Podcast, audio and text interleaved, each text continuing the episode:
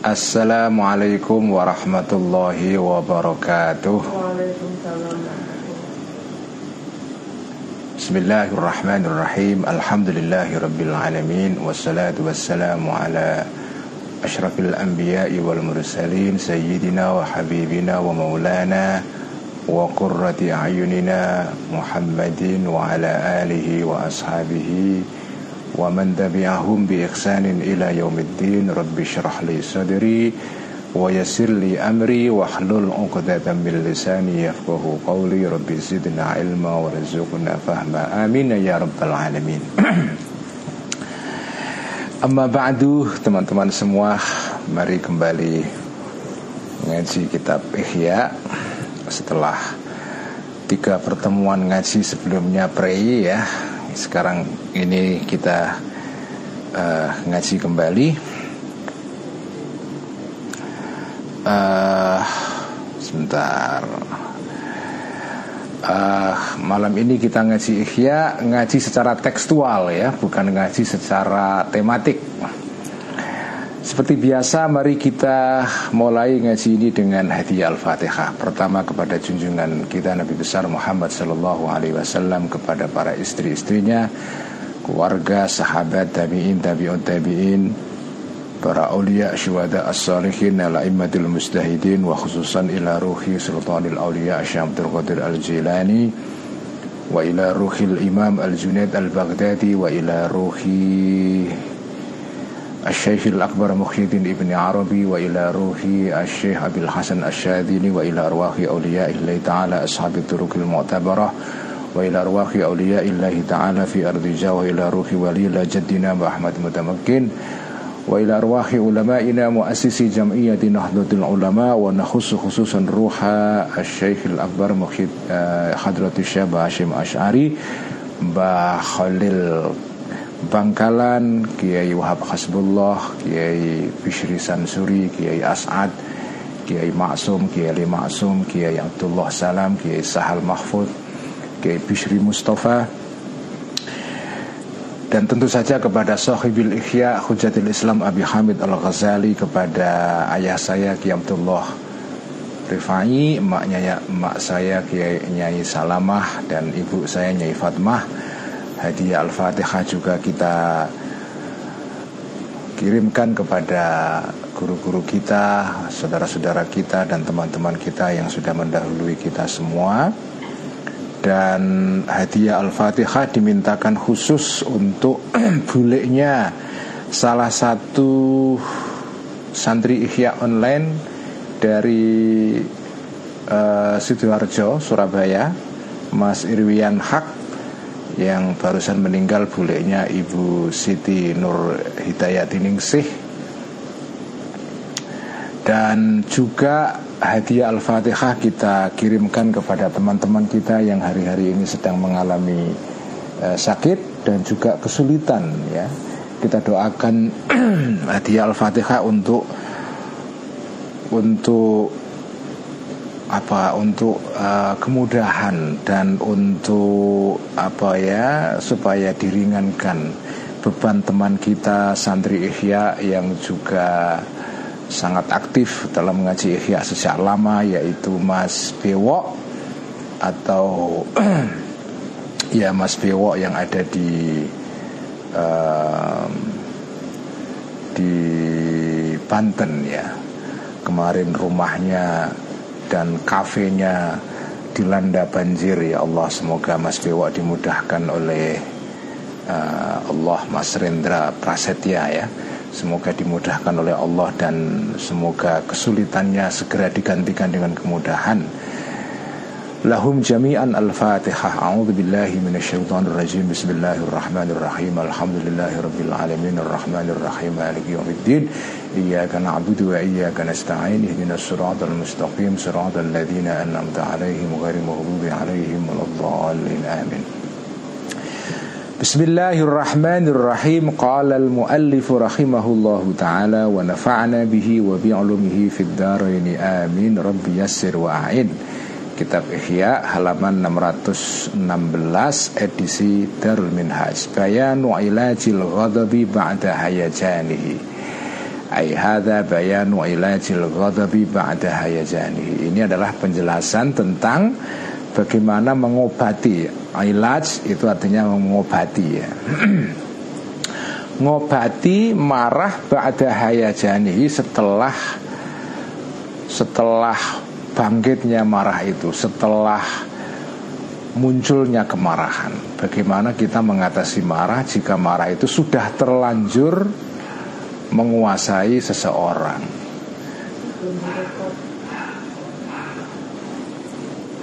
Gimana cara merekod ini?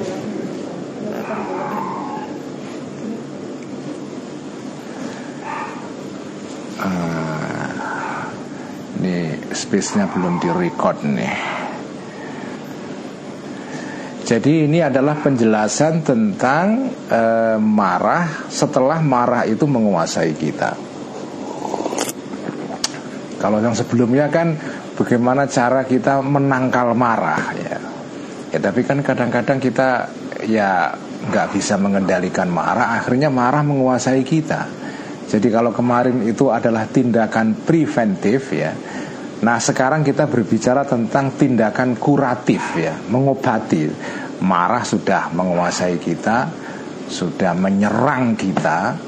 Nah, gimana caranya supaya kita bisa memitigasi me, apa mengurangi dampak buruknya itu ya nah, inilah ini bab, bab sekarang ini menjelaskan mengenai itu I'lam ketahuilah annama zakarnahu sesungguhnya keterangan yang sudah kami jelaskan sebelumnya huwa eh, ses, uh, ma tadi itu adalah hasmun itu cara untuk memutus lah lima wadil ghadabi kepada lima wadil ghadabi kepada sumber-sumber marah. Jadi itu sebelumnya itu adalah tindakan preventif. Wakat on dan memutus li asbabi terhadap sebab-sebabnya al ghadab hatta la yahija ya sehingga tidak bangkit ya marah itu. Nah sekarang pertanyaannya faida jaro maka ketika terjadi maka ketika uh, jaro itu maknanya bisa berjalan atau lari ya.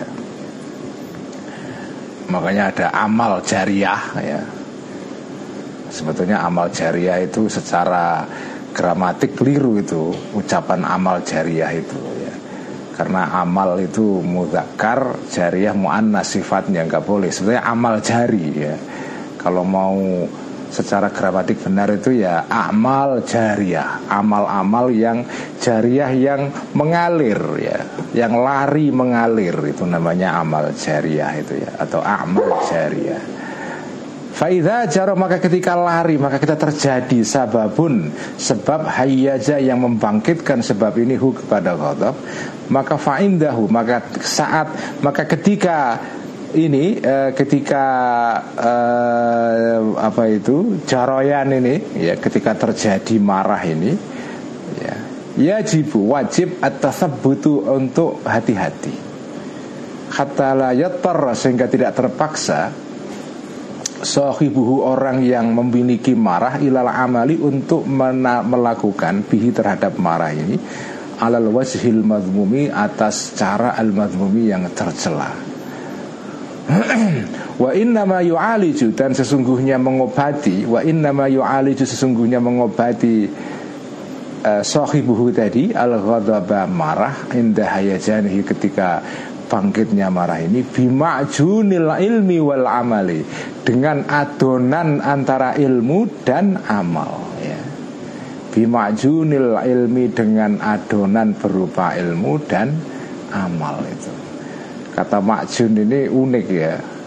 Ini istilah yang yang khas kalangan santri karena di kalangan santri itu ada jamu namanya jamu makjun Jamu makjun itu jamu campuran ya. Jamu yang dibuat dari adonan beberapa bahan ya. Nah makjun ini macam-macam. Yang suka bikin makjun itu antara lain Mbah Zainal Wong-Wongan Dari mana? Rembang itu ya Dari Sedan itu. Nah itu Mbah Mbah Zainal sering bikin jamu majun Jamu yang merupakan campuran dari berbagai unsur Dari berbagai rempah-rempah ya. Ya semacam herbal lah ya Majun itu. Jadi majun itu artinya campuran ya, mixing ya. Campuran antara ilmu dan amal. Jadi cara untuk mengobati secara kuratif ya marah ketika sudah terjadi itu ya ya nggak bisa lain kecuali harus ada ilmu dan ilmu itu diamalkan. Nah sekarang ilmunya apa? Apa ilmunya untuk mengatasi marah itu amal ilmu. Adapun jamu makjun berupa ilmu itu fahuwa maka ilmu ini sitatu umurin ada enam perkara al awalu yang pertama ini praktis sekali ya ini kitab ihya ini keistimewaannya adalah mengajari kita tentang uh, tentang akhlak ya tentang akhlak yang praktis ya ini bukan akhlak sebagai filsafat tetapi filsafat yang merupakan Eh, petunjuk praktis bagaimana kita bertindak secara benar dalam kehidupan kita, termasuk di dalam cara mengatasi ya teknik-teknik mengatasi kalau kita marah itu. Jadi ini adalah etika yang praktis sekali, berguna buat siapa saja. Dan saran-saran Al Ghazali dalam kitab Ihya ini sangat-sangat tepat ya, e, bisa kita coba ya. Nah sekarang kita lihat. Al awalu ilmu yang pertama untuk mengatasi marah kalau sudah terjadi adalah an yatafakkar. Uh, berpikir orang yang marah tadi itu sohibul ghadab fil akhbari tentang khobar-khobar tentang hadis-hadis ya allati sanurituha yang akan mendatangkan aku Al-Ghazali menceritakan meriwayatkan aku ha kepada Al-Akhbar ini fi fadli kazmil di dalam menerangkan tentang keutamaannya mengendalikan marah. Nanti setelah bab ini ada ada bab tentang fadlu kadzmil ghaizi ya. Tentang keutamaannya kita mencegah mengendalikan ya marah itu. Nah itu nanti di sana diterangkan ada banyak hadis-hadis ya eh, apa itu nukilan atau kuat-kuat dari para salaf, para sahabat tabiun dan tabiun tabiin. Nah orang yang sudah marah itu ya itu sebaiknya mengingat kembali ya wasiat-wasiat ajaran-ajaran moral yang diajarkan kanjeng Nabi ya. Jadi tentang keutamaannya mengendalikan marah wal afwi dan keutamaannya memaafkan orang yang melakukan tindakan yang bikin marah kita itu ya wal khilmi dan sabar ya Al-hilmu itu artinya sabar atas tindakan-tindakan menjengkelkan orang lain. Tindakan-tindakan orang lain yang kedudukannya lebih rendah itu al-hilmu. Al-hilmu itu sabar dalam pengertian yang khusus ya. Kalau as-sabru itu sabar dalam pengertian umum ya. Tapi kalau al-hilmu itu sabar sabar yang dilakukan oleh orang yang kedudukannya lebih tinggi terhadap orang yang lebih rendah. Jadi misalnya apa ya? Kita punya murid jengkelin ya. Murid menjengkelkan gurunya. Melakukan tindakan-tindakan yang jengkelin ya.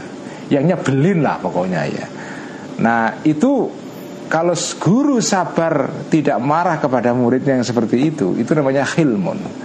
Kalau ada pemimpin sabar terhadap bawahannya yang melakukan tindakan yang menjengkelkan itu bahasa Arabnya adalah al-khilmu.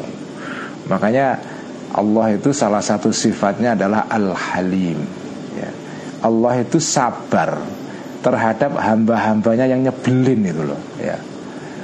Ya. Dalam bahasa Inggris itu ada kata yang hampir sepadan dengan ini ya, magnanimity. Ya.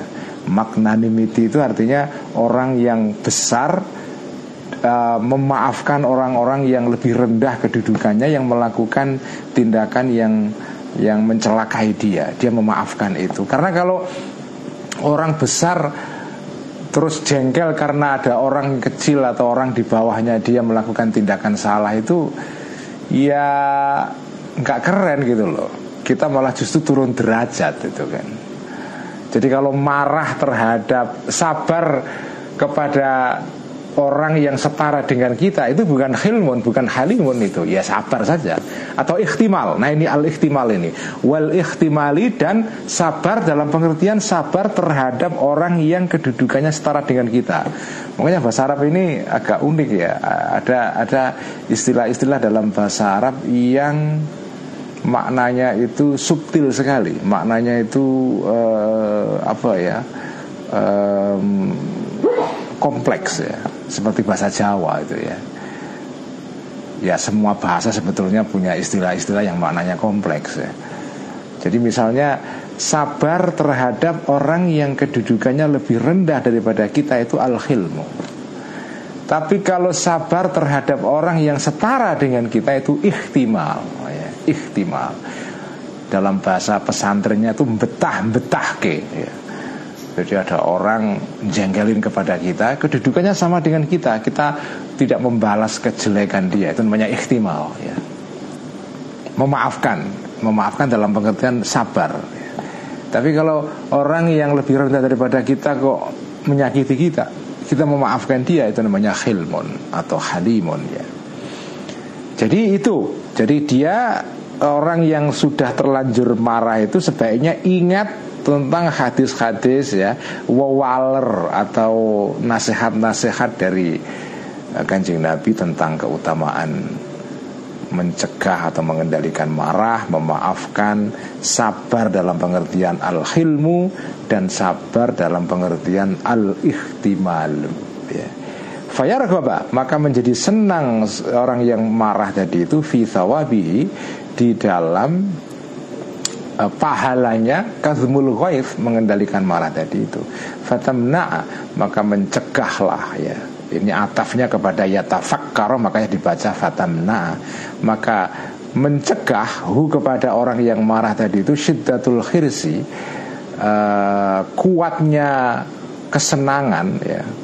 Kuatnya keinginan ala sawabil kazmi untuk keinginan apa? Ya Allah di sini ta'aluknya kepada kata al-khirsu ala sawabil kadmi terhadap ingin terhadap pahalanya mencegah atau mengendalikan marah ya. Mencegah dari apa? An. Nah jadi ini kalau huruf cer dalam bahasa Arab itu ya partikel cer ya atau preposisi dalam bahasa Indonesia ya eh, kata depan ya itu dia selalu punya ta'aluk ya. Dalam bahasa Indonesia juga sama sebetulnya ya. Saya duduk di atas kursi saya duduk di. Di ini kaitannya dengan apa? Dengan duduk bukan dengan saya ya. saya pergi ke pasar.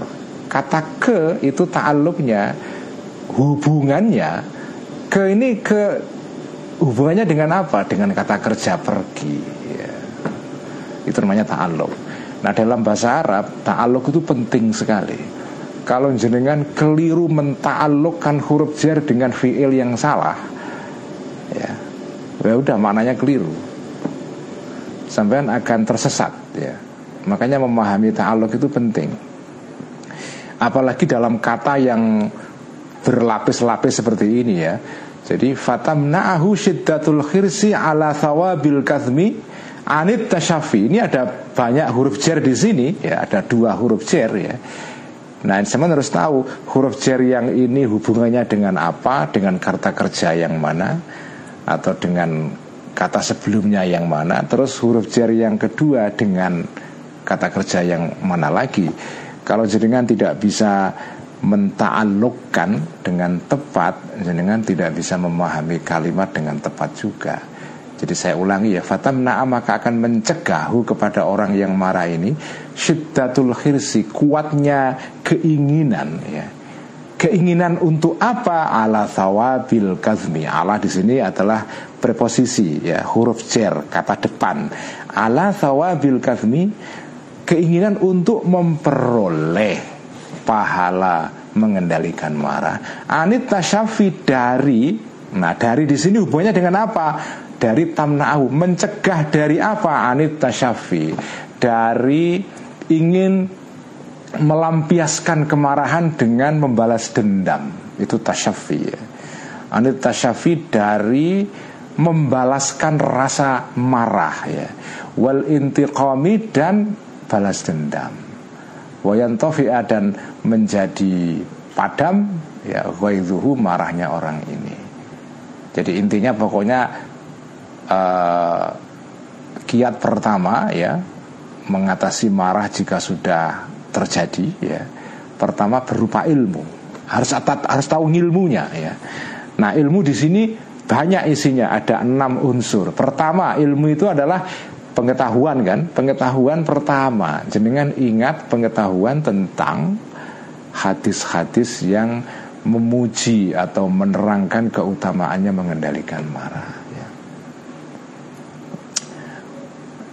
Nah ini contohnya Contohnya hadis atau ya tentang keutamaan mengendalikan marah Atau cerita dari para salaf ya Generasi terdahulu Para sahabat dan tabi'in tabi'un tabi'in Qala Maliku bin Ausin Ibn al-Hadathani Berkata Malik ibn Aus ibn al-Hadathan ya. Ghadiba ya. Ghadiba marah Umaru Sayyidina Umar pada suatu hari radhiyallahu anhu ala rajulin terhadap seorang laki-laki.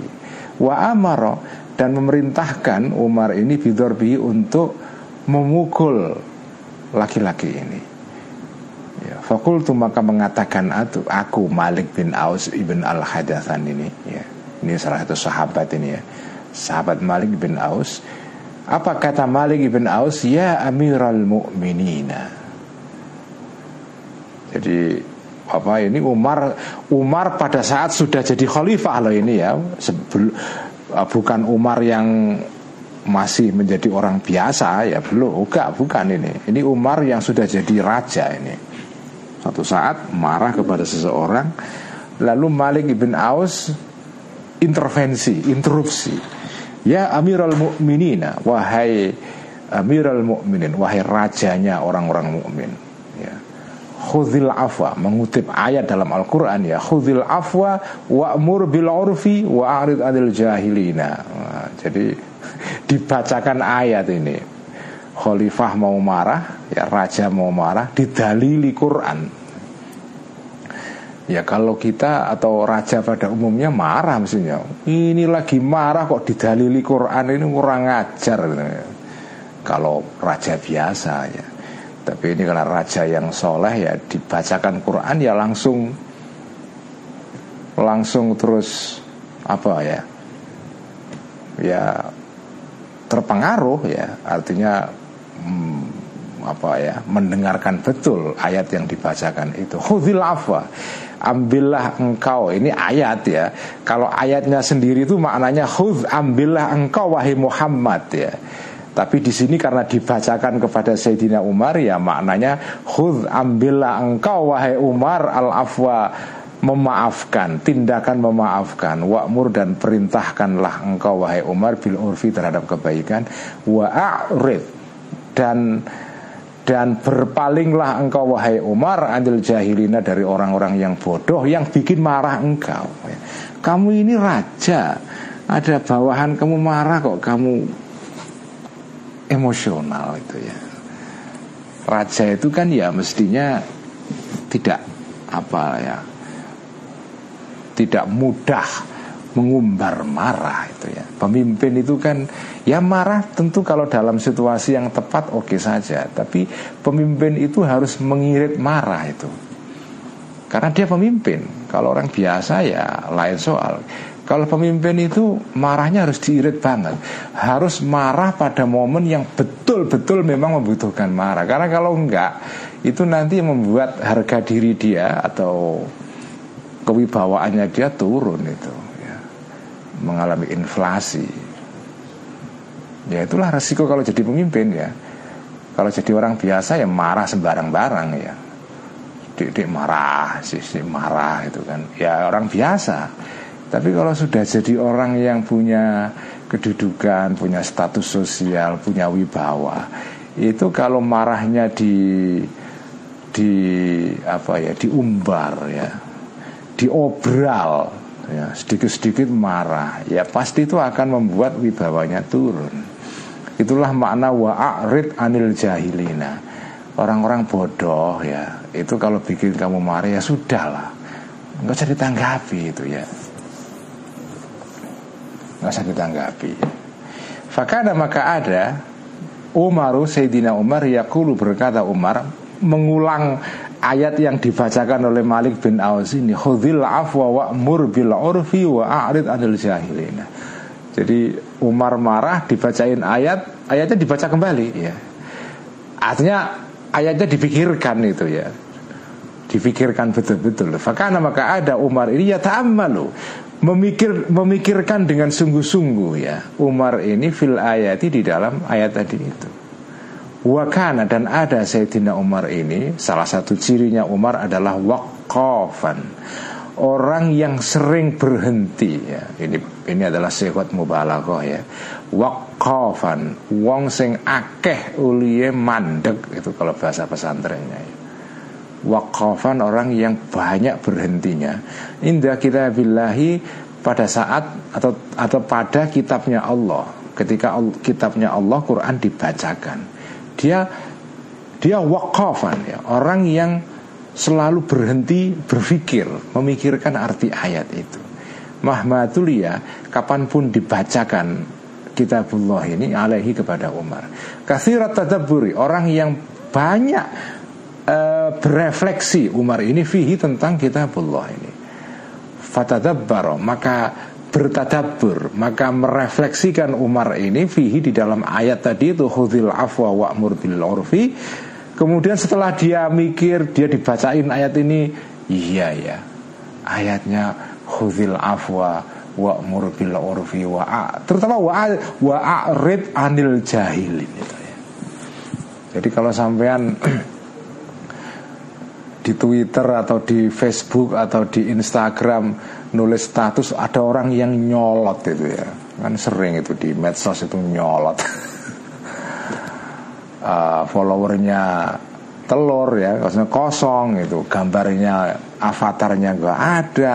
Namanya juga bukan nama asli. Ngomentari nyolot itu ya. Dan ndak empan papan. Artinya kita nulis apa komentarnya apa ini kan sering sekali begitu di medsos itu nah kalau ada begitu itu sudahlah nggak usah ditanggapi ingatlah ini ini teknik ikhya ini ya pertama cara mengatasinya kalau sampai pasti marah ya saya juga sama marah itu tapi kalau sudah marah begitu, cara mengatasinya adalah pertama dengan ilmu. Ilmu itu isinya enam. Pertama, ingat ayat ini. Ya. Wa a'rid anil jahilina. Ah, ya. Anggap saja orang yang nyolot itu ini orang bodoh, tidak ngerti apa-apa itu ya. Ya sudahlah ya. Karena kalau orang yang ngerti tanggapannya itu pasti baik ya, tanggapannya sopan dan ya kritis tapi menghargai kita yang berpendapat ya. Kecuali kalau status kita itu memang ya isinya nyinyir atau bikin orang nyolot ya salah kamu sendiri ya. Jadi tapi kalau kamu sudah berusaha menulis dengan ya mengandung kritik tetapi ditulis dengan sesopan mungkin ya tidak menggunakan kata-kata yang kasar tapi ditanggapi dengan nyolot. Nah, sudah kamu pakai aja ayat ini wa a'rid anil jahilin itu ya mengikuti nah ini mengikuti teladannya Sayyidina Umar wa amara dan memerintahkan Umar bin Abdul Aziz. Khalifah Umar ibn Abdul Aziz. Ini salah satu raja atau khalifah di dalam dinasti Bani Umayyah ya. Yang dianggap sebagai Umar kedua ya. Karena raja yang adil dia seperti Umar yang pertama ya Umar yang tadi kita baca sebelumnya itu ya. Nah ini juga sama khalifah juga. Umar ini memerintahkan bidor birojulin untuk memukul seseorang. Thumma qara'a. Kemudian membaca orang yang mau dipukul ini. Qaulahu firman Allah taala wal kadhiminal ghaidha. Tapi tapi ini hanya mempan bagi raja-raja yang soleh, penguasa yang ngerti Quran, ngerti ayat dan ngerti artinya.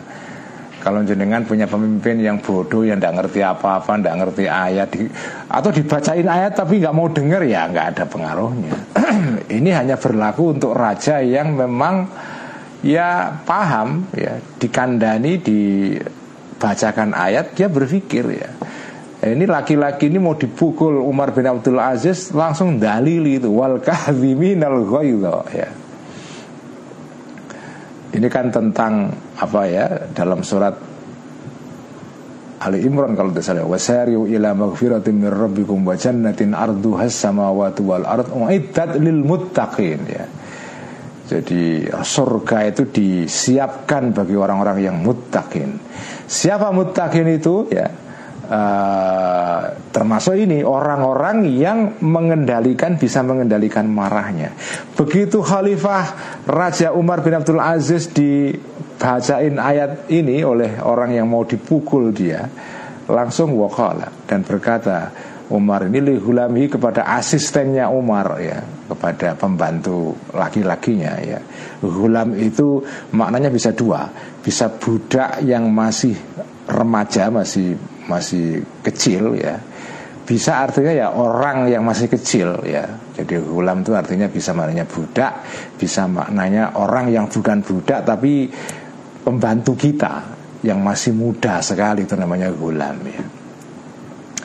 Waqala dan berkata Umar ini lihulami kepada pembantunya Umar bin Abdul Aziz Khali bebaskan engkau anhu terhadap laki-laki ini Sekali lagi ini kalau rajanya raja yang soleh ya. Kalau pemimpin yang yang tidak ngerti apa Quran, tidak ngerti ditutur tentang kebaikan ya dituturi ya nggak mau denger ya sudah nggak ada gunanya memang asani ilmu yang kedua ya yang pertama adalah kita kalau marah ya kita ingat ya ayat hadis yang berkaitan dengan keutamaan mengendalikan marah. Asani yang kedua an yuhawifa untuk menakut-nakuti orang yang marah ini nafsahu kepada dirinya orang ini biqabillahi dengan siksanya Allah taala. Ya sudah ya, kita kan sebagai orang yang beriman Salah satu iman itu ya iman kepada surga dan nerakanya Allah Itu salah satu unsur iman ya nah, karena kita percaya kepada adanya siksa Allah ya kita harus mensugesti diri ya bahwa kalau kita marah itu ada Tuhan yang bisa juga marah kepada kita itu ya. Nah, bagaimana caranya tahwif wahwa ya? Dan tahwif itu ayyakula berkata orang yang marah tadi itu kudratullahi. Jadi Katakan kepada dirimu begini Kudratullahi alayya a'zamu Min kudrati ala hadal insani. Jadi teknik mengendalikan marah ini ya. Kudratullahi Kekuasaan Allah alayya kepadaku ya. A'zamu lebih besar Min kudrati daripada kekuasaanku Ala hadal insani Daripada atau terhadap orang yang aku marahi ini kalau Allah mau marah kepadaku Itu jauh lebih bisa daripada Aku marah kepada orang ini ya. Jadi sebelum sampean menjatuhkan atau mengeksekusi marah sampean itu Itu nanti dulu ya Nanti dulu itu Memang sudah marah kita Cuma eksekusi marah itu ditunda dulu ya.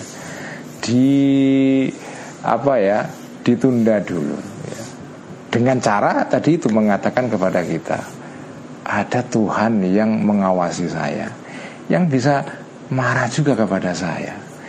Orang ini saya marahi karena berlaku salah kepada saya. Nah saya ini manusia juga berlaku salah juga kepada Allah. Allah bisa juga marah kepada saya.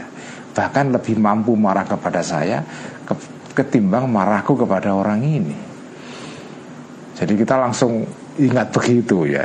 Kalau amda itu maka maka jika melaksanakan aku ghadabi marahku alaihi kepada orang ini kepada hadal insan lam aman ya. Lam aman itu asalnya lam aman ya.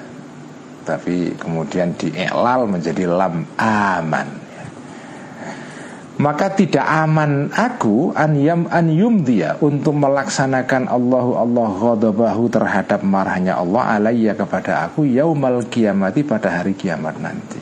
Ya. ahwajama akunu ya. Ahwajama akunu ini maf'ul mutlak ya. Ahwajama akunu ya. Uh, dengan lebih butuhnya aku ya ilal afwi kepada kemak permaafan ya. Jadi kalau aku mau mengeksekusi marahku sekarang ini kepada orang itu Aku tidak akan bisa lepas ya Nanti di hari kiamat dari kemungkinan Allah juga melaksanakan mengeksekusi marahnya kepada aku ya. Dan apa itu? Uh, hari kiamat. Ya, hari kiamat nanti itu. Itu adalah hari momen saat ketika aku butuh banget untuk diampuni. Ya. sementara Allah bisa mengeksekusi marahnya azabnya kepada aku pada saat aku butuh diampuni oleh Allah Allah membalas aku. Karena aku di dunia ini tidak mengampuni orang Allah membalas aku dengan tidak mengampuni aku itu jadi ingat jadi sugestikan kepada diri kamu seperti itu ya. Fakat kala maka uh, apa itu uh, telah berfirman Allah Ta'ala fi ba'dil kutubi di dalam sebagian kitab-kitab al-qadimati yang dahulu yang kuno. Maksudnya sebelum Quran ya. Ya benar Adam. Wahai anak cucu Adam uzkurni. Ingatlah engkau ni kepadaku hina taghdabu ketika ya uh, apa itu? Marah engkau Ingatlah engkau kepadaku saat engkau marah Azkurka Maka akan mengingat aku kepada engkau Hina aghdabu ketika marah aku. Ingatlah aku ketika kau marah Maka aku akan ingat kau pada saat aku marah kepada kamu Fala amhaku maka tidak akan menghancurkan aku atau mengazab aku kepada dirimu fiman di antara orang-orang amhaku yang akan menghancurkan aku kepada man ini. Ini apa ya? Ini teknik kedua ya. Kalau sampean mau marah, ingatlah bahwa suatu saat sampean juga bisa ya menjadi sasaran azab dan marahnya Allah Subhanahu wa taala di hari kiamat. Dan kalau saya memaafkan orang itu saat ini, saya berharap suatu saat Allah akan memaafkan aku pada saat aku butuh maafnya dia. Maksudnya butuh maafnya Allah ya. Katakan kepada diri kamu begitu gitu ya. Insya Allah ya dari marah level 100 kira-kira akan merosot jadi 90, 80, 70 Syukur-syukur sampai di bawah 50 gitu ya. Ya tapi kalau sudah disugesti begini kok level marahnya nggak turun-turun ya ya memang dasar. Udah.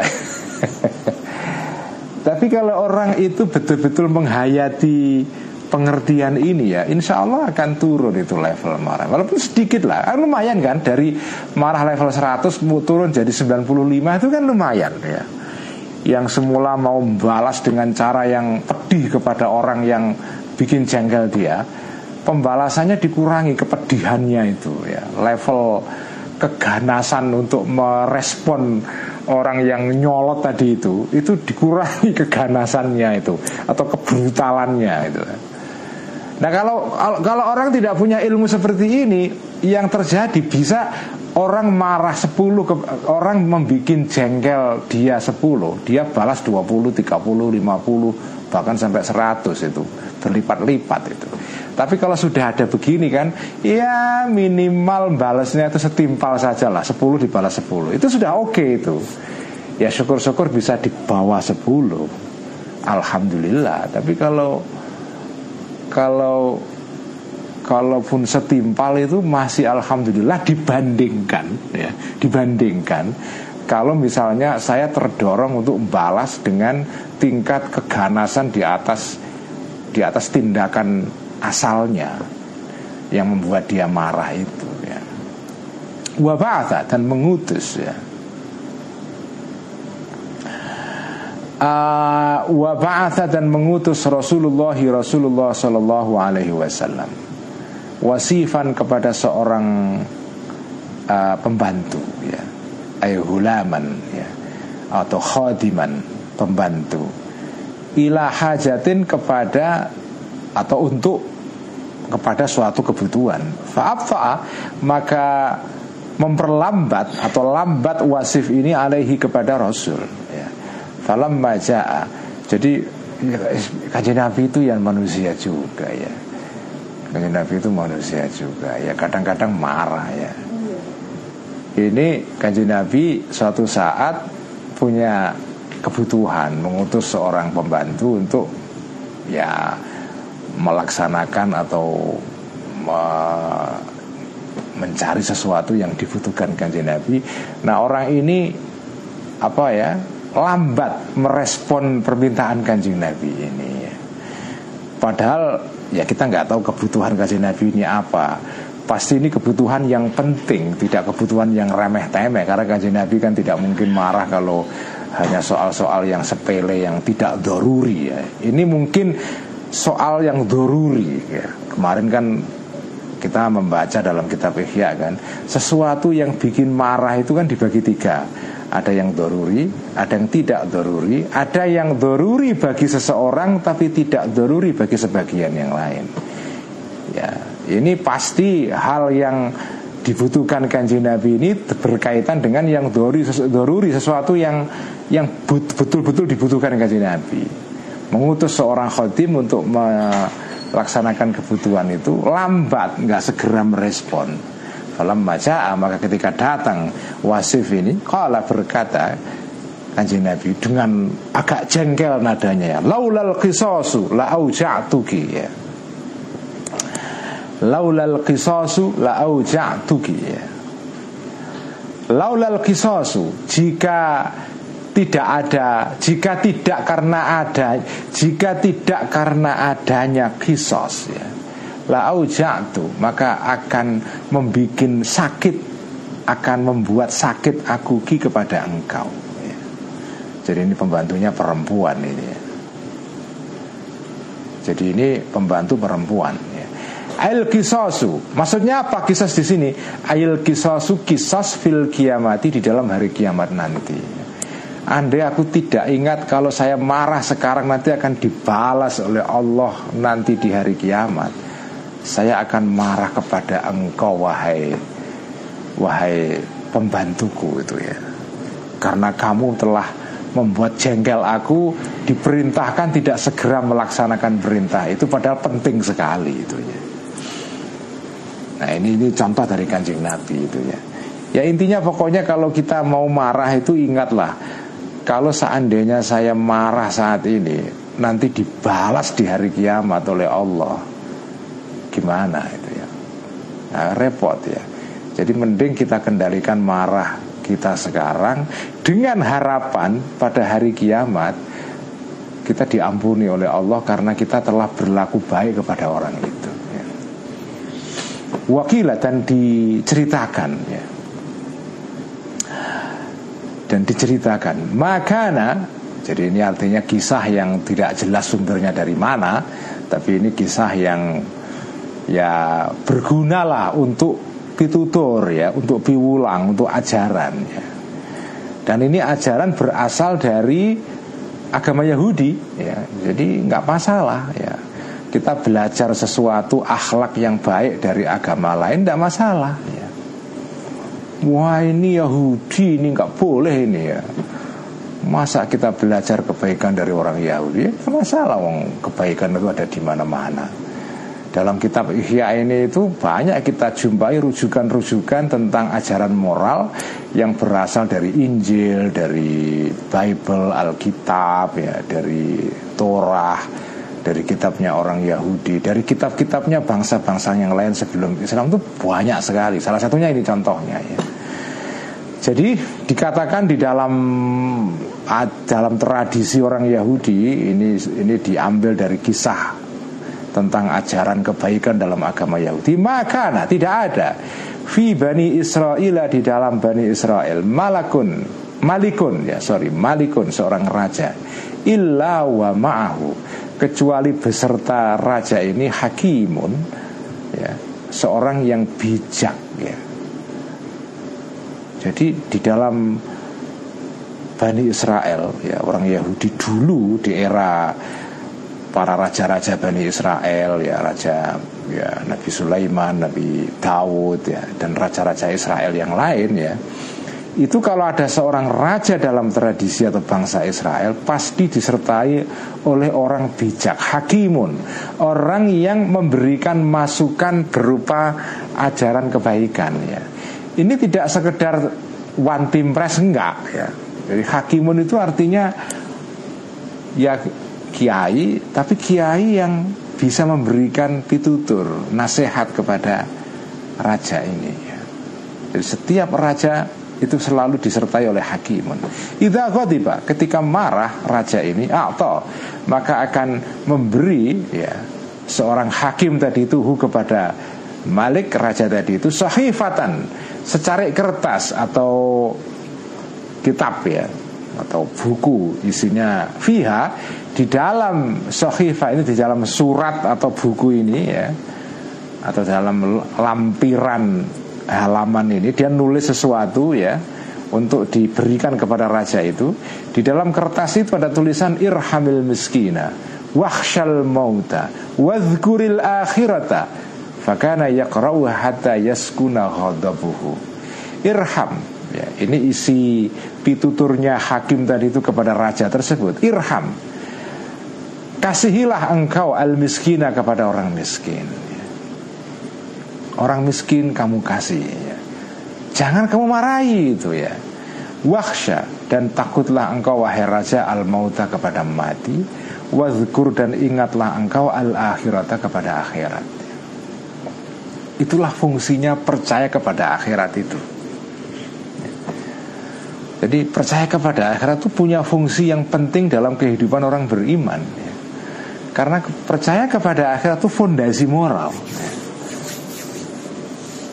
Karena kalau orang itu percaya kepada hari akhir, dia memiliki sesuatu yang membuat dia ini ya uh, bisa terkendali tindakannya ya.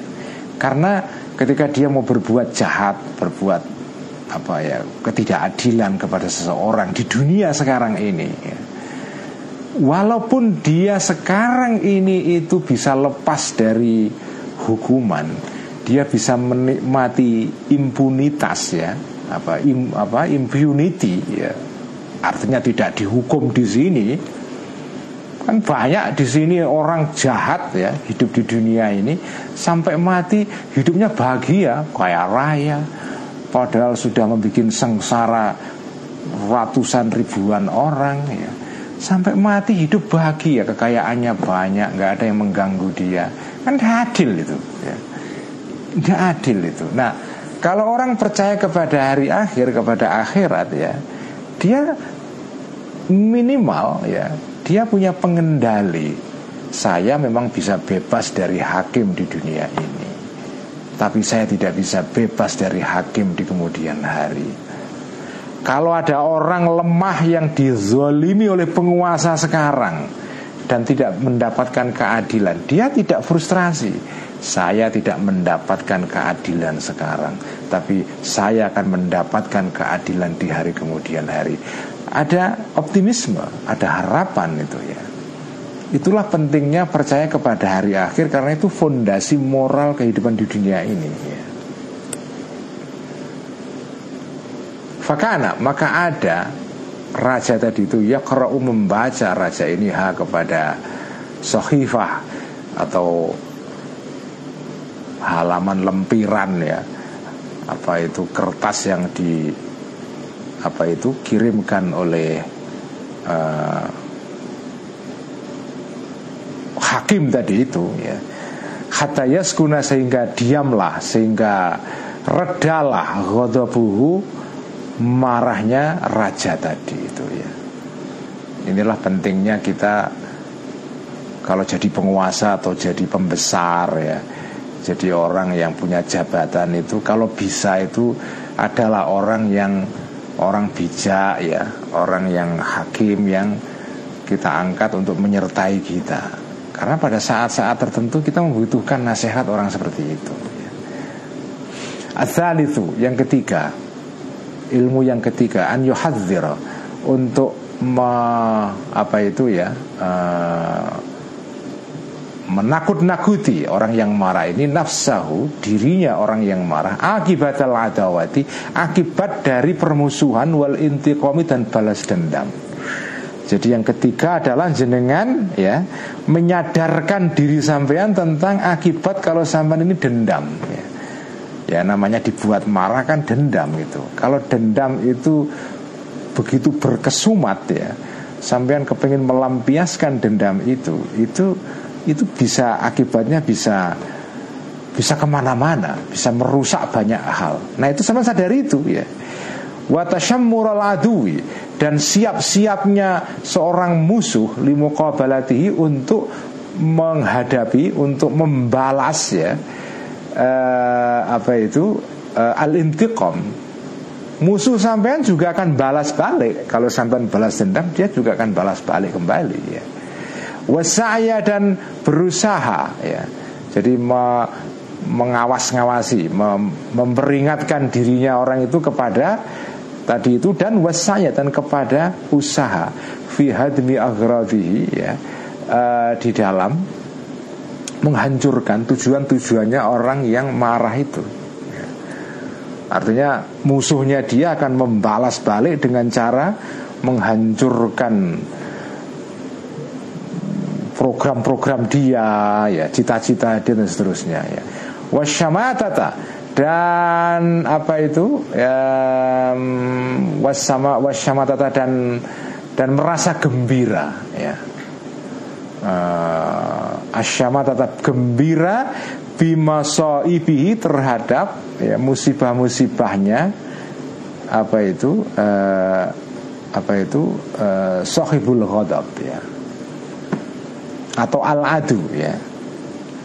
Tadi itu wasaya dan berusaha fi hadmi agrodi di dalam menghancurkan tujuan-tujuannya. Apa itu? Uh, al-adu ya. Wasyamatata dan gembira bima ibi terhadap musibah-musibahnya al-adu ya.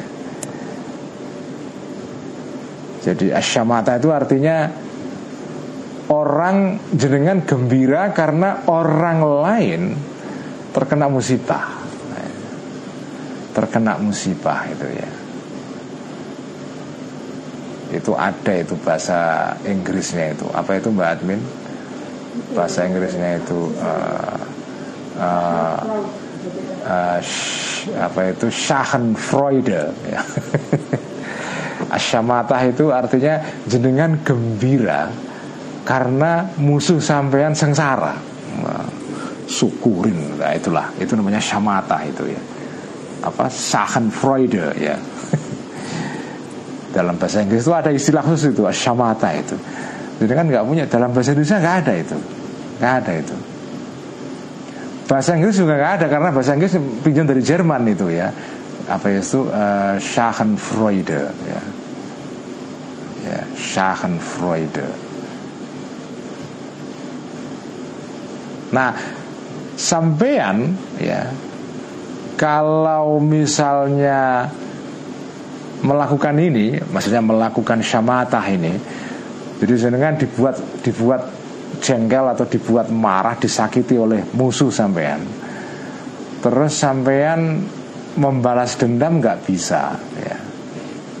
Terus musuh sampean ini suatu saat terkena musibah, terus sampean syukurin, Cuman gembira syukurin dia menyakiti saya dulu ya. Dan musuh sampean ngerti sampean gembira atas musibah dia ini. Itu kan dia juga bisa membalas balik. Nanti kalau sampean suatu saat kena musibah ya, itu juga musuh sampean bisa melakukan hal yang sama ya bergembira terhadap sampean yang yang sedang kena musibah itu. Kalau sampean mendengar musuh sampean itu gembira karena musibah yang mengenai sampean, sakit nggak? Sakit hati nggak? Sakit hati pasti itu ya. Makanya nggak usah syamata, nggak usah nggak usah menunjukkan kegembiraan ketika musuh yang membuat marah sampean itu terkena musibah. Karena nanti bisa dibalas juga. Wahua sementara orang yang memarah tadi itu lah yakhlu tidak akan bebas ya orang yang marah ini andil masaibi dari musibah-musibah. Jenengan suatu saat juga kena musibah juga. Musuh sampean bisa melakukan syamatah juga ya kepada sampean gitu ya jadi itu cara tekniknya itu fayuhawifa maka memperingatkan mau warning orang yang marah tadi itu nafsu kepada dirinya orang yang marah biawakibil ghadabi. Terhadap akibat-akibat marah fit dunia di dunia sekarang. Ingkana jika ada orang ini la yakhafu tidak takut orang ini minal akhirati dari atau terhadap akhirat. Kalau jenengan tidak percaya adanya kehidupan akhirat tetap jenengan itu bisa menasehati diri sampean dengan sesuatu yang tidak ada kaitannya dengan akhirat sama sekali. Murni keduniaan. Misalnya apa? Ya tadi itu. Kalau sampean balas dendam. Kalau pitutur yang sebelumnya itu kan terkait dengan akhirat ya. Nanti di akhirat Allah akan menyiksa kamu juga. Kalau kamu marah di sini Allah bisa marah membalas kamu marah di di hari akhir nanti. Nah itu kan kalau orang percaya agama. Kalau nggak percaya sama agama gimana?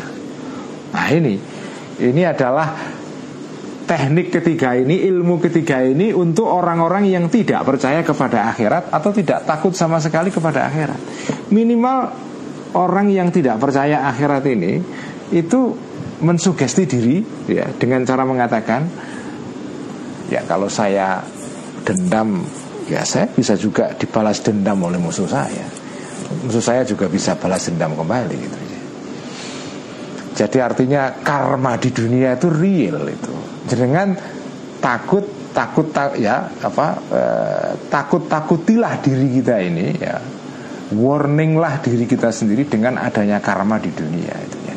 Wahada dan ini ya yaitu artinya apa itu ya me, me, me, apa menakut-nakuti diri dengan akibat di dunia ini akibat marah di dunia ini yarji'u ya itu kembali hada ini ila tasliti syahwatin kepada menguasakan syahwat ala ghadabin terhadap marah itu ya. Jadi ini kan teknik yang ketiga ini teknik yang sebetulnya sederhana aja. Caranya apa? Memadamkan marah ya dengan cara uh, apa itu me memberikan kekuasaan kepada syahwat. Ya. Syahwat di sini apa? Syahwat syahwat itu artinya kan kesenangan ya. Jadi kalau sampean bisa mengendalikan marah sekarang ini di dunia, sampean akan mendapatkan sesuatu yang menguntungkan. Itu namanya syahwat. Apa itu? Jenengan selamat dari apa ya tindakan balas dendam yang akan dilakukan oleh musuh sampean kalau sampean membalas marahnya dia ya. itu namanya syahwat ya. Jadi apalah menimbang-nimbang kira-kira apa ya um, cost and benefit itu maksudnya. Tasli itu syahwat di sini ya. Jadi cost and benefit. Jadi tiba-tiba aja kalau saya marah itu nanti akibatnya begini kalau tidak begini dibuat kalkulasi cost and benefit saja. Kalau saya marah itu nanti costnya lebih tinggi daripada benefitnya. Kalau saya tidak marah tidak membalas marahnya orang itu atau tidak membalas orang bersangkutan benefitnya maksudnya syahwat di sini lebih tinggi. Itu namanya taslitu syahwatin ala ghadabin.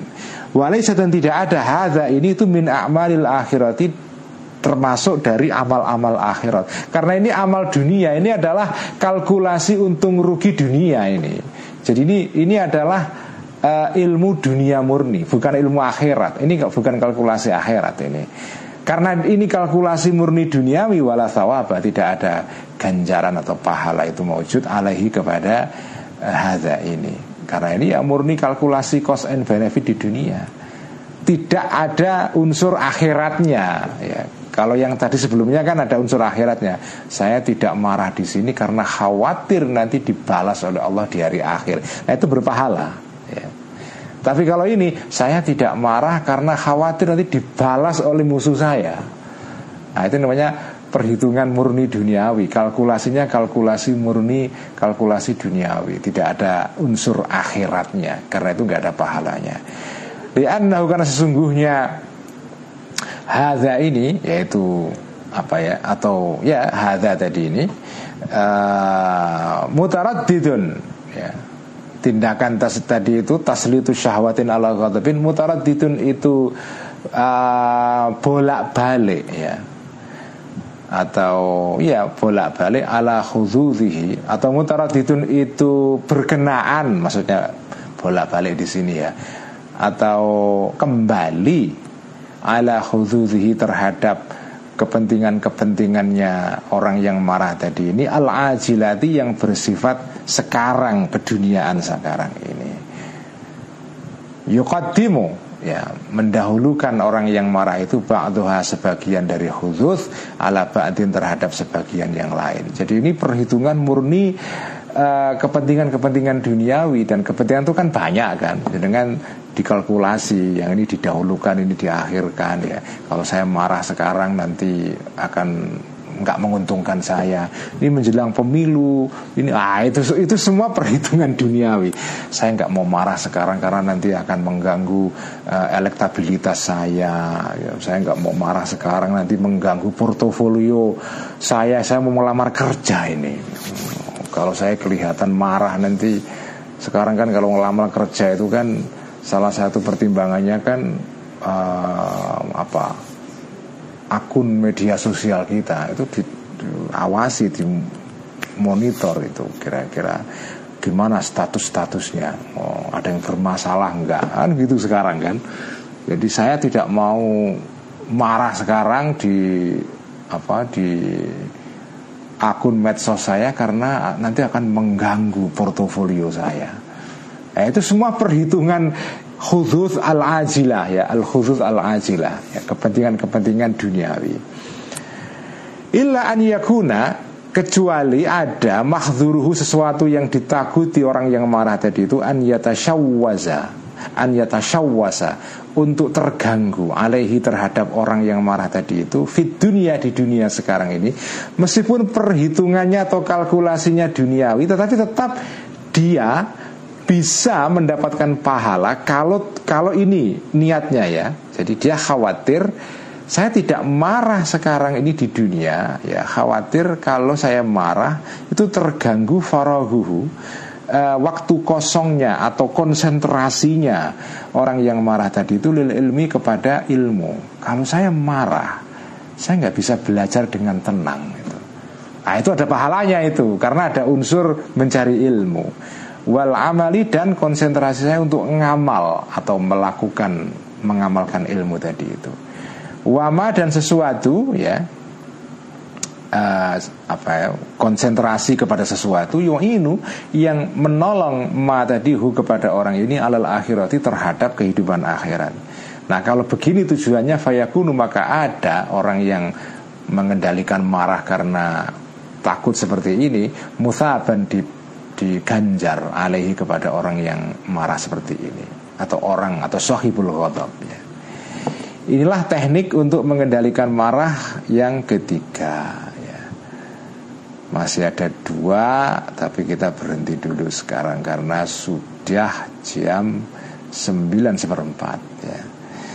Semoga kita bisa mengamalkan ya, ya. Ini teknik-teknik sederhana praktis ya dan insya Allah kalau kita praktekkan itu enak lah ya. Karena orang itu kalau marah itu ya kehidupannya juga nggak nggak enak kan ya.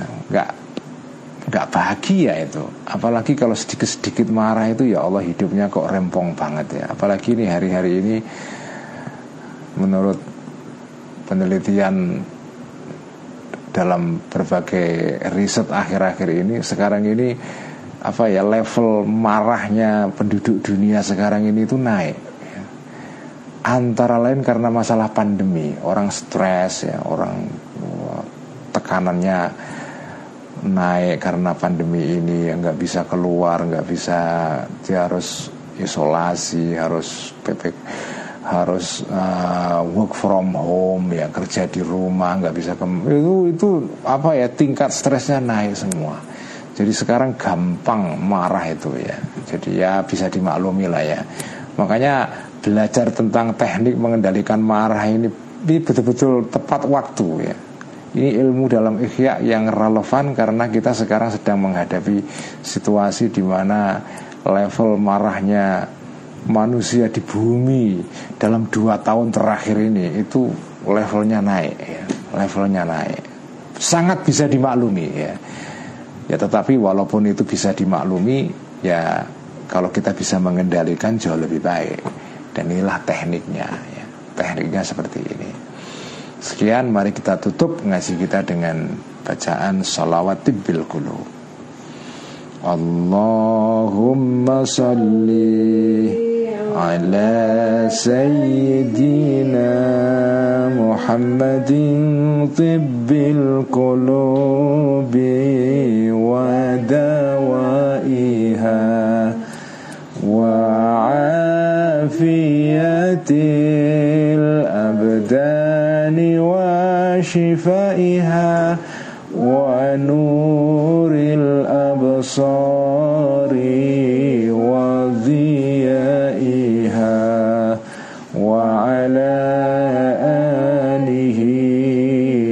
وصحبه وسلم. اللهم صل على سيدنا محمد طب القلوب.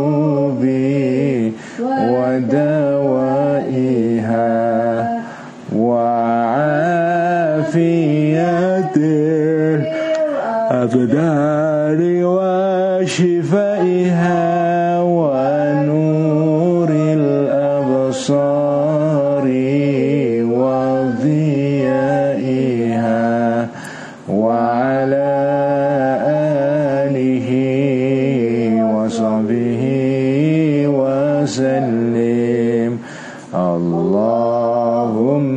اللهم صل على سيدنا محمد طب القلوب ودوائها وعافية الأبدان وشفائها ونور الأبصار